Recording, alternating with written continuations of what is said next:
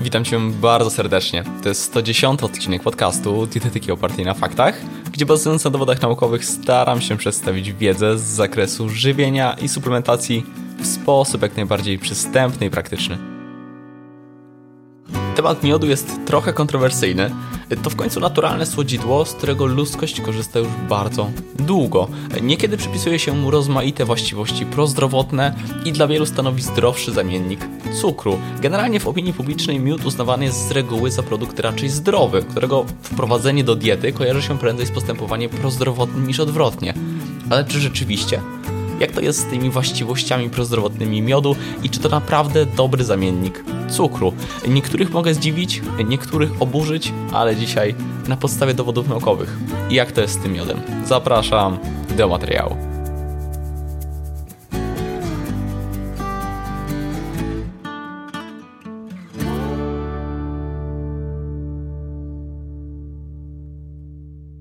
Na początku kilka podstawowych i w zasadzie ważnych kwestii do wyjaśnienia. Po pierwsze, tak jak też e, podjąłem się tego we wstępie, miód to naturalne słodzidło.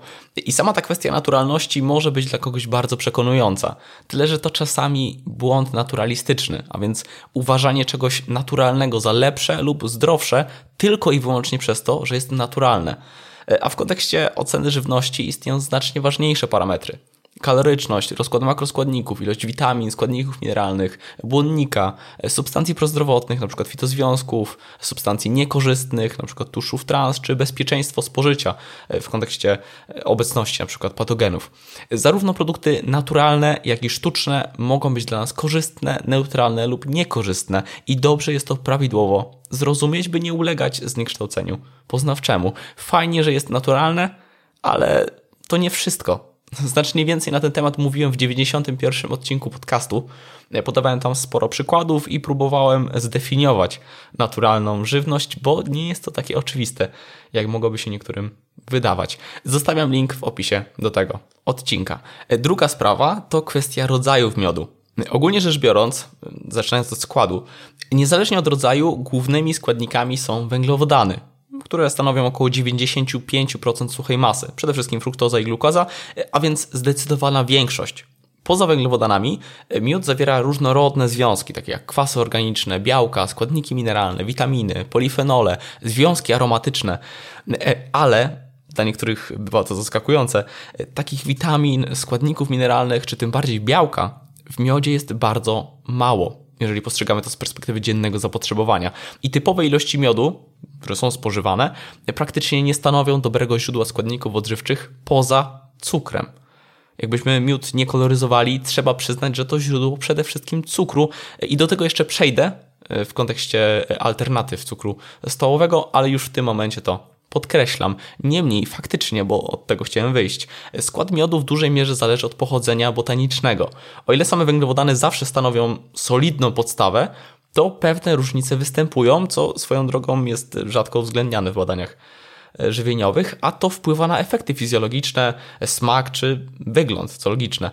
Miód może mieć różny indeks glikemiczny i cechuje się różną zawartością związków o charakterze antyoksydacyjnym, przeciwzapalnym, e, antybakteryjnym itd. Tak e, tutaj tak obiegowo podejmowane są często dyskusje internetowe na temat różnic między miodem z marketów, a miodem kupionym prywatnie z pasieki. E, I tutaj oczywiście będą różnice.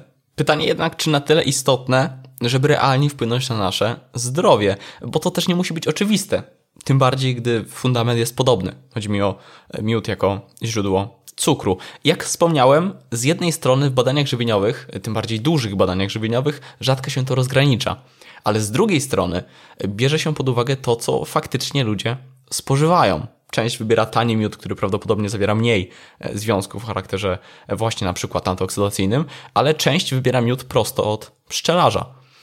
Dlatego zdecydowanie warto zobaczyć, co mówią badania naukowe, więc lecimy. Pod koniec 2022 roku e, pojawił się duży przegląd systematyczny obejmujący 18 kontrolowanych badań z udziałem ponad 1000 uczestników. E, dawka miodu wahała się od 5 do 125 gramów dziennie przy średniej około 40 gramów dziennie, e, a czas trwania obejmował do pół roku. Jak się okazało, spożycie miodu nie miało wpływu na masę ciała, ale w niewielkim stopniu obniżyło glukozę na czczo, poziom cholesterolu całkowitego, LDL, e, triglicerydów i zwiększyło HDL, ale też co ciekawe poziom cytokin prozapalnych, interleukinę 6 i TNF alfa. E, miód e, albo po prostu włączano do diety, albo porównywano włączenie do diety cukru w innej postaci. Efekt był istotny, ale niewielki, naprawdę niewielki, a pewność dowodów była niska. Co ciekawe, w przeglądzie z 2021 roku wykazano, że miód nie ma znaczącego wpływu na profil lipidowy, co też pokazuje, że efekt jest wyjątkowo niewielki. Niemniej, warte uwagi jest to, że w tym najnowszym przeglądzie podzielono nieco miody i zaobserwowano, że bardziej pozytywne efekty zanotowano przy miodzie surowym, nieprzetworzonym, takim właśnie prosto od pszczelarza podkreślając, że wyższa temperatura na przykład może zmniejszać te potencjalnie pozytywne efekty. Mimo to, nawet przy takim miodzie, efekt wciąż nie powala. No dobra, ale tu mamy masę ciała, mamy kwestie metaboliczne, a co z innymi? Jeżeli chodzi o inne aspekty, to istnieją e, chociażby faktycznie pewne dowody na to, że miód może być pomocny przy łagodzeniu kaszlu, szczególnie u dzieci, w porównaniu do braku leczenia. Co innego, gdy porównuje się go z lekami przeciwkaszlowymi, np. dekstrometorfanem. Mimo to można z niego potencjalnie zrobić pod tym kątem użytek. Miód potencjalnie może powlekać podrażnioną śluzówkę gardła, łagodząc dolegliwości.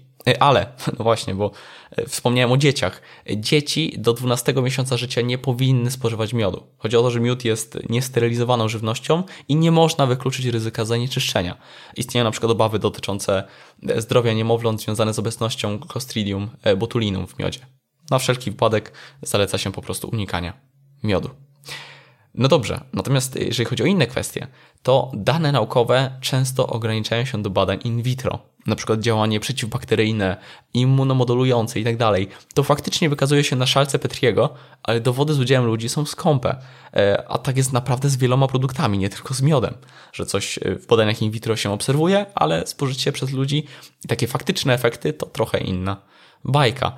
Problematyczny jest też fakt, że chcąc dostarczyć sporą ilość właśnie związków o takim charakterze z miodu, należałoby samego miodu zjeść dużo, a to jednak głównie cukier i niemała ilość kalorii. Zresztą w niektórych przypadkach spożycie stosunkowo dużych ilości miodu, kilkadziesiąt gramów, e, może prowadzić do łagodnego efektu przeczyszczającego, szczególnie osób z niedostatecznym wchłanianiem e, fruktozy, bo sama fruktoza jest gorzej wchłaniana w przewodzie pokarmowym niż fruktoza razem z glukozą. Czy coś jeszcze? Wydaje się, że miód prawdopodobnie nie jest tak mocno próchnicotwórczy jak cukier stołowy, ale wciąż jest, więc trzeba o tym wiedzieć. Czy więc miód to dobry zamiennik cukru? Zróbmy taki bilans zysków i strat. Po pierwsze, w 100 gramach miodu znajdziemy mniej więcej 300 kilokalorii. Wiele zależy od odmiany, ale mniej niż ma cukier stołowy, który przeważnie ma około 380-400 kilokalorii. Wynika to z tego, że miód w pewnym stopniu składa się z wody, więc zachodzi swego rodzaju efekt rozcieńczenia. To na plus. Dwa, miody o wysokiej zawartości fruktozy, np. akacjowy, są słodsze niż cukier, co może sprawiać, że będziemy używać go mniej. To też na plus. Trzy, związki inne niż cukier. W wersji komercyjnej cukier stołowy, taki biały, najczęściej sprzedawany bywa w wersji rafinowanej, a więc oczyszczonej. Poza cukrem nie zawiera więc praktycznie nic więcej. W przypadku nierafinowanego cukru rzeczywiście posiada on pewną ilość składników mineralnych, lecz wciąż jest to dawka bardzo mała, no i praktycznie nieznacząca. Miód pod tym kątem, jak zostało wcześniej e, wspomniane, wypada trochę lepiej, e, ale wciąż miód powinniśmy traktować głównie jako źródło cukru. Mamy więc 3-0, e, ale idźmy dalej. Gramatura. To podkreślam, bo w praktyce zdarzyło mi się z tym zderzyć. Łyżka miodu ma więcej kalorii niż łyżka cukru. To niby się wydaje logiczne, e, ale nie zawsze, bo łyżka nie jest po prostu dobrym tego wyznacznikiem. Chodzi o gramaturę. Łyżka miodu to około 25 gramów, co daje 80 kilokalorii. Nabiera się na tą łyżkę po prostu więcej przez konsystencję miodu. W przypadku cukru to już tylko 10 gramów, około 40 kilokalorii. Jeżeli ktoś nie kontroluje spożycia kalorii, no to można się na tym po prostu przejechać, albo gdy nie jest po prostu świadomy właśnie objętości takiej jednej łyżki. I ostatnia sprawa, cena. Y, to na plus albo na minus. Miód jest droższy, y, co może sprawiać, że będziemy bardziej kontrolować jego spożycie niż takiego cukru rafinowanego. Y, łatwiej może być zachować umiar. Z drugiej strony, no jednak jest droższy, a to mimo wszystko, jak zostało wielokrotnie wspomniane, głównie cukier. Jaki werdykt? Miód jest niewątpliwie zdrowszą substancją sądzącą niż cukier rafinowany, lecz różnice między nimi nie są tak ogromne, jak niekiedy bywa to prezentowane przez entuzjastów miodu. Nie wydaje się, by wymiana cukru na miód w celu na przykład redukcji masy ciała, bez zmian w wartości energetycznej diety, była pomocna w walce o szczupłą sylwetkę. Jego wpływ na zdrowie też niestety w obiegowych przekonaniach bywa przeceniany. Miód znaleźć się oczywiście w diecie może, ale warto zachować umiar i traktować go jednak głównie jako źródło cukru. Nie wiem, ile razy już to powiedziałem w tym podcaście. Chodzi po prostu o to, żeby dobrze to zrozumieć. W sytuacji, gdy chcemy ograniczyć spożycie energii, no lepiej sprawdzą się na przykład bezkaloryczne słodziki lub rezygnacja ze słodzenia. Z drugiej strony, taki miód można wykorzystać jako wartościowy dodatek do diety sportowców, chcąc zwiększyć udział cukru w diecie i wybierając wówczas właśnie taki miód, a nie cukier rafinowany. Finalnie chcę przekazać, żeby nie przeceniać jego walorów, ale z drugiej strony zdecydowanie im nie ujmować, bo jednak jest to trochę niesamowite, co pszczoły mogą zrobić. Z tym Was zostawiam. Mam nadzieję, że ten odcinek okazał się wartościowy, a ja się żegnam. Do zobaczenia, do usłyszenia już niebawem. Hej!